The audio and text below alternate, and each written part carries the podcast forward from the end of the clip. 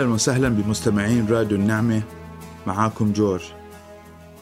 كما تعلمون شعار موسمنا الأول هو معاكم نحو الحياة الأفضل اليوم بالحلقة السادسة من الموسم سنناقش موضوع أهمية التعرف على المبادئ والقيم الموجهة.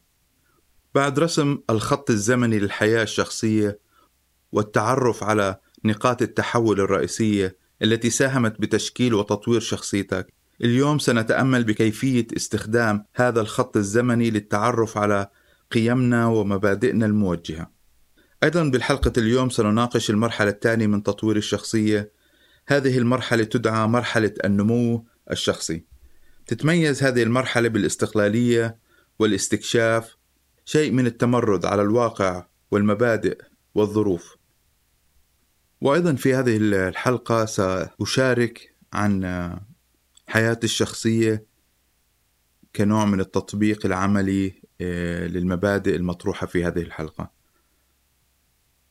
ممكن يسأل الشخص هل القناعات أو المبادئ أو القيم هل ممكن أنها تتطور أو تتغير؟ برأيي نعم. وهذا بيعتمد على المرحلة التطور الشخصية. زي ما شفنا بالحلقات السابقة أنه مرحلة الطفولة أو مرحلة التأسيس شفنا كيف أنه للعيلة هناك تأثير كبير آه، للشخصيات المهمة أنها ممكن تشكل آه، وتطور بشخصية هذا الطفل أو الشخص الناشئ حديث السن. حتى أن الظروف ممكن تساهم بتكوين قناعات أو قيم أو مبادئ بتطور شخصية هذا الطفل.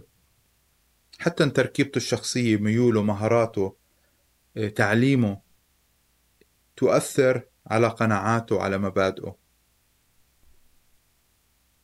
بعض الأمور اللي ممكن تساعدك على التعرف على قيمك على مبادئك هي أنك تسأل نفسك أسئلة بخصوص عدة آه، أمور. منها من المهم في حياتك؟ اللي هي بتخص الأشخاص إن كان نفسك إن كان عائلتك إن كان الآخرين. لأنه هاي ممكن تتحدد آه، قيمك مبادئك قناعاتك. ما المهم في حياتك؟ ما هو هذا الشيء المهم اللي ممكن تضحي من أجله اللي ممكن تفكر فيه اللي ممكن تسعى له؟ هاي ممكن توجهك تلقي الضوء على على قناعتك على مبدأك على قيمك. القيم اللي أنت بتقيمها بأنها غالية عليك. ما نوع هذا الشخص اللي أنت بتتمنى أنك تصبحه؟ ما وجهة نظرك وطريقة تفكيرك نحو العمل مع الآخرين؟ ممكن إجابتك على هذا السؤال بتحدد هل بتقيم العمل مع الجماعة أو أنت بتفضل العمل وحدك. وكيف بتجاوب على هذا السؤال ممكن يأثر على قناعتك على مبادئك وعلى قيمك. ما أهمية وجود مرشد في حياتك؟ أو متلمذ أو مدرب؟ أو موجه؟ ما هي نفسيتك نحو أنك تكون شخص متعلم متواضع طالب للمعرفة؟ مستعد أنك تسمع للآخرين. إيش نظرتك نحو خطة الله الخطة الكبيرة لحياتك؟ إيش دورك في هذه الخطة؟ إيش نظرتك نحو الكنيسة المحلية نحو الجماعة المؤمنين نحو الناس اللي, اللي ممكن يشاركوك نفس المبادئ نفس القناعات؟ كيف بتنظر لهم؟ إيش أهمية وجودك كجزء من هذه الجماعة جزء فاعل من هذه الجماعة؟ أو من هاي الكنيسة أو من هذا التجمع أو من هاي الشركة. إيش نظرتك للقيادة؟ بأنك تقود شخصيا بأنك تكون آه، تحت قيادة شخص آخر. كيف بتنظر للقيادة بشكل عام؟ ما نظرتك نحو التغيير؟ هل تسعى للتغيير شخصيا؟ وإيش مصادر التغيير؟ ما العوامل المساعدة اللي بتسهل التغيير؟ إيش نظرتك للكتاب المقدس؟ لحياة الإيمان؟ إيش نظرتك لطبيعة وظيفتك أو عملك أو نوع التغيير اللي بتحاول تحدثه في المجتمع؟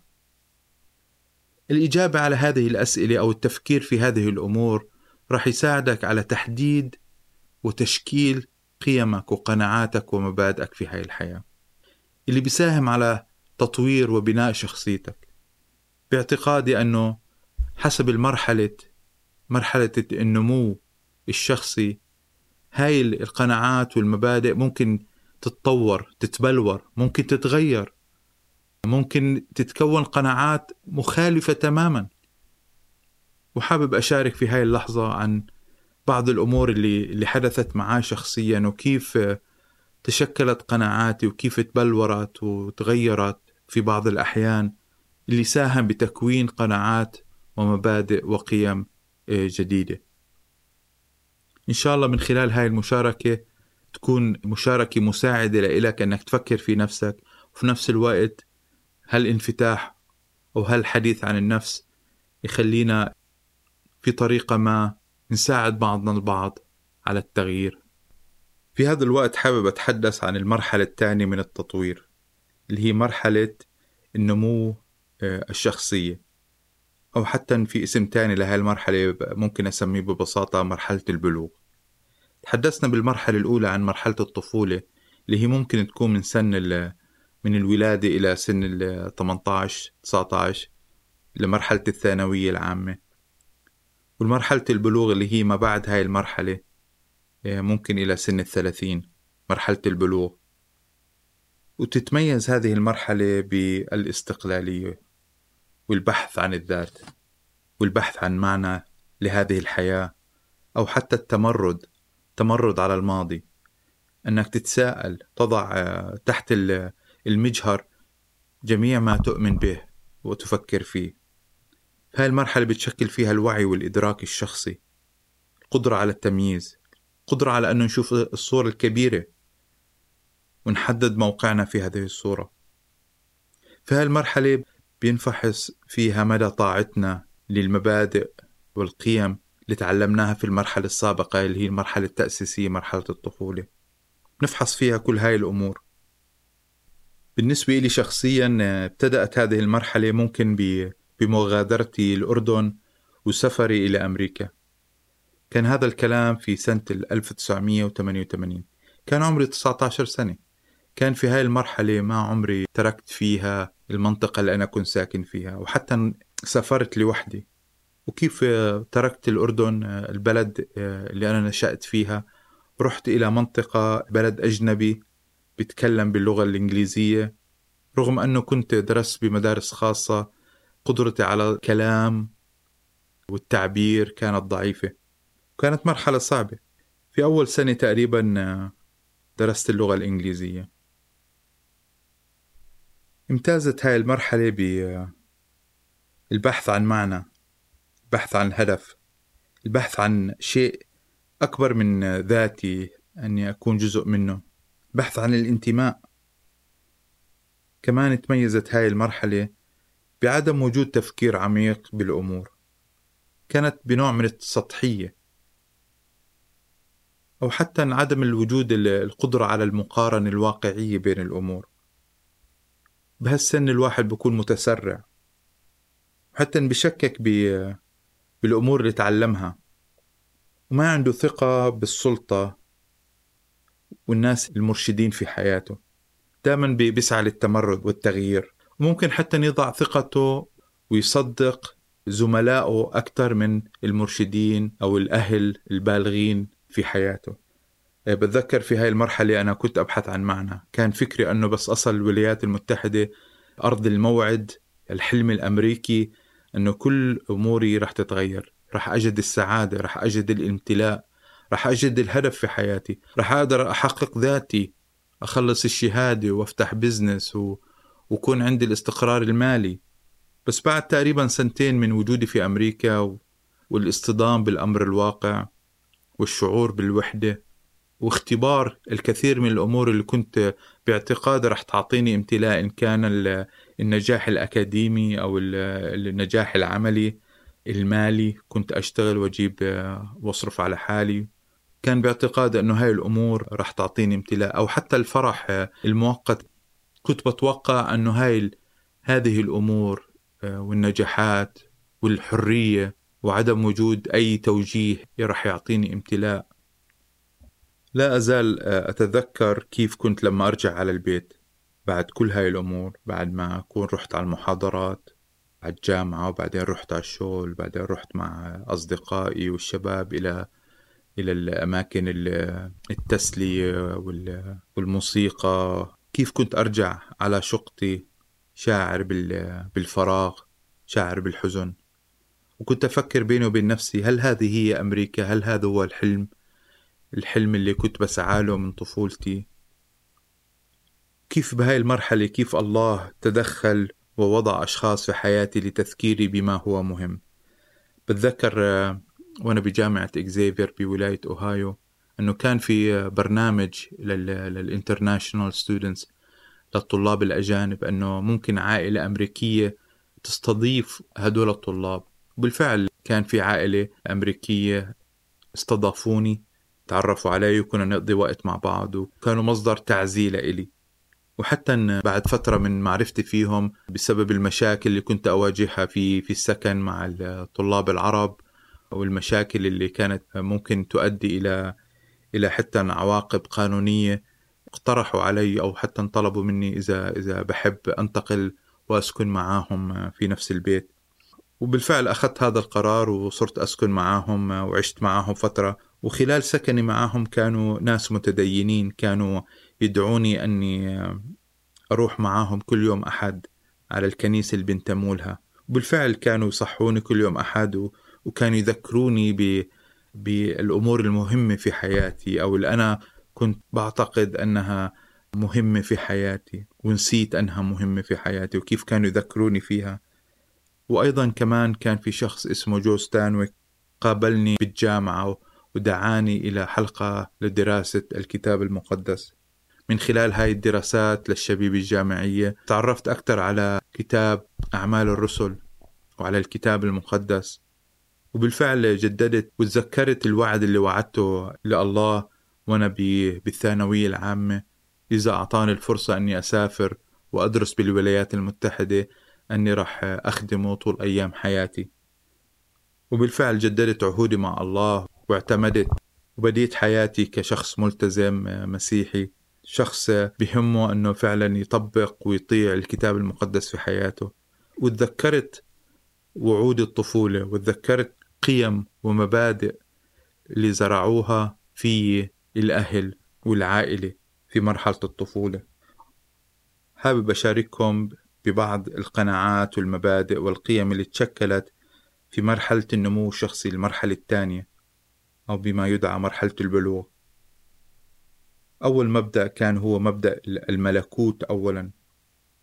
طبعا رغم أنه هذا مبدأ كتابي بس ممكن يكون في له آه، تأثيرات سلبية. إذا تم إساءة استخدام أو فهم أو تطبيق هذا المبدأ. إحدى الأخطاء اللي, اللي حصلت معي اللي هي عدم احترام تقدير رأي الأهل آه، والوعود اللي وعدتهم إياها لما أجيت الولايات المتحدة.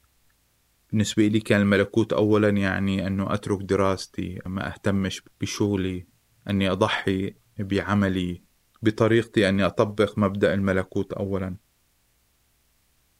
في هالمرحلة كان الواحد تفكيره سطحي شوي الاهتمام بالتطبيقات الخارجية إن كان التزام الالتزام بالقراءة الالتزام بالتبشير الخضوع العشور كان اللي يهمني أنه أطبق وأطيع الأمور الخارجية رغم أنه كان في نزاع داخلي لسه ما ما تغيرت من الداخل رغم أني اتخذت القرار بأنه أعيش حياتي كشخص ملتزم آه، بهاي المبادئ ولكن كان في صراع ما بين الخارج التطبيقات الخارجية وما بين ما يدور في الداخل. ما كانت الأمور نابعة من الداخل كانت هي عبارة عن شيء خارجي بحاول أطيعه وألتزم فيه. طبعا كانت حياة تعيسة لأنه قد ما حاولت أطيعها الأمور الخارجية ما كنت أقدر أصل إلى هذا المقياس الكامل بالالتزام الكامل. وكان مصدر تعاسة ومصدر الشعور بالذنب والفشل. بس كانت بهاي المرحلة مرحلة البلوغ كنت عم بحاول أن أطبق الأمور تطبيقات خارجية. نظرتي للكنيسة المحلية من السهل أني أدين الآخرين إذا هم ما بيفكروا بطريقة تفكيري أو ما بيحضروا بنفس المكان اللي أنا بحضر فيه. إذا مش ملتزمين بالأمور اللي أنا ملتزم فيها كان من السهل علي أني أدين الآخرين وأنظر لهم بنظرة فوقية بنظرة ناموسية آه، بنظرة آه، فريسية. مبدأ القيادة أنه يجب أن أقود. أنه قيمتي تأتي من من مدى تأثيري من قيادتي. إذا أنا مش عم بقود مش عم بكون عندي مركز قيادي آه، مميز وواضح بالكنيسة فإذا أنا ما عندي قيمة وأنا ما عندي تأثير. زي ما ذكرت بالسابق أنه كانت التغيير والرغبة بالتغيير آه، تركيزه خارجي وليس داخلي. حتى المبدأ التلمذة تطبيقاته كان في هاي المرحلة كنت بفكر أنه التلمذة هي عبارة عن هرمية رئيس ومرؤوس. بالعكس هي لازم تكون كانت آه، شيء متبادل احترام متبادل دعم متبادل تشجيع متبادل بين الأشخاص. أنه لازم يكون في خضوع ودينونة. بالعكس كان لازم يكون مصدر لتشجيع ودعم والمشاركة والمساواة. قناعتي آه، بأنه لازم يكون في توبة مستمرة. بس نفس الوقت كانت اللي زي ما ذكرت في السابق أنه شيء خارجي اللي هي توبة الأعمال وليست من الداخل. آه، كان فهم النعمة منعدم غير موجود مما كان يؤدي إلى شعور الذنب المتواصل.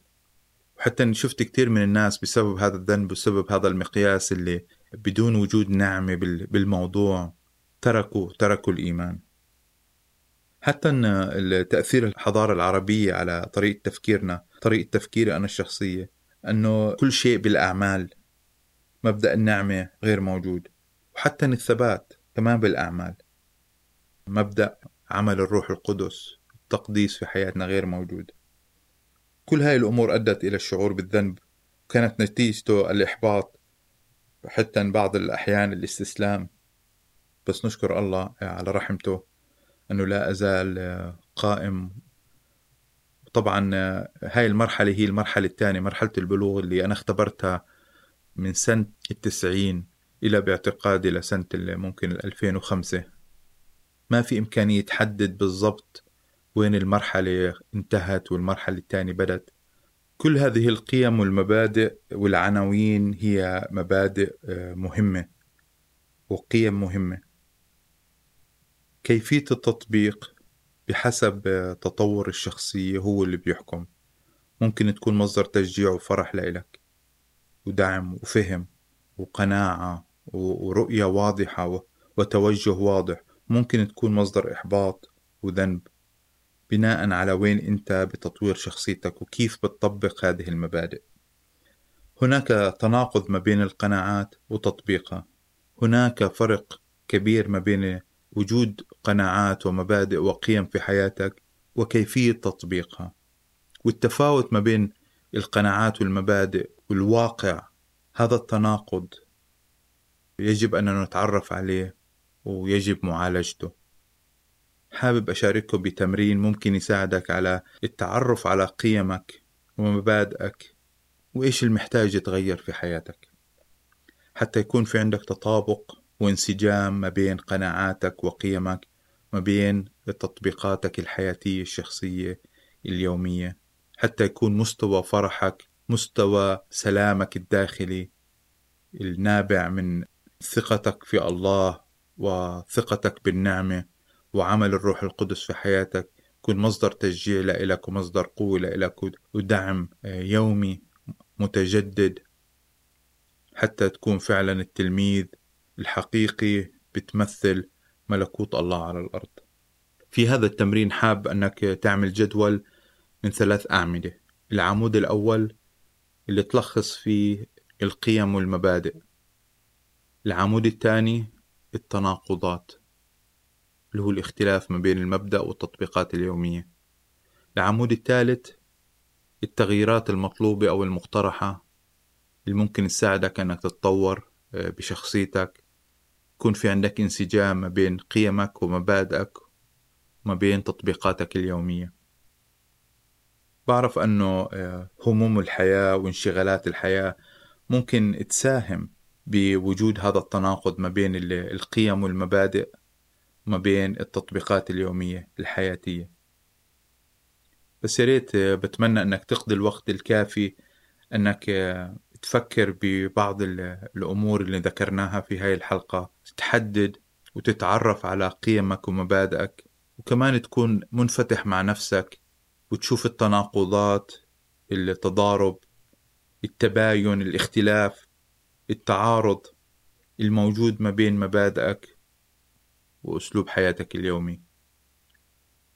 وتفكر وتصلي حتى تستشير وتطلب نصيحة الآخرين بأنه يساعدوك تلاقي طرق تصل إلى هذا الانسجام تتغير تتوب تنمو بشخصيتك.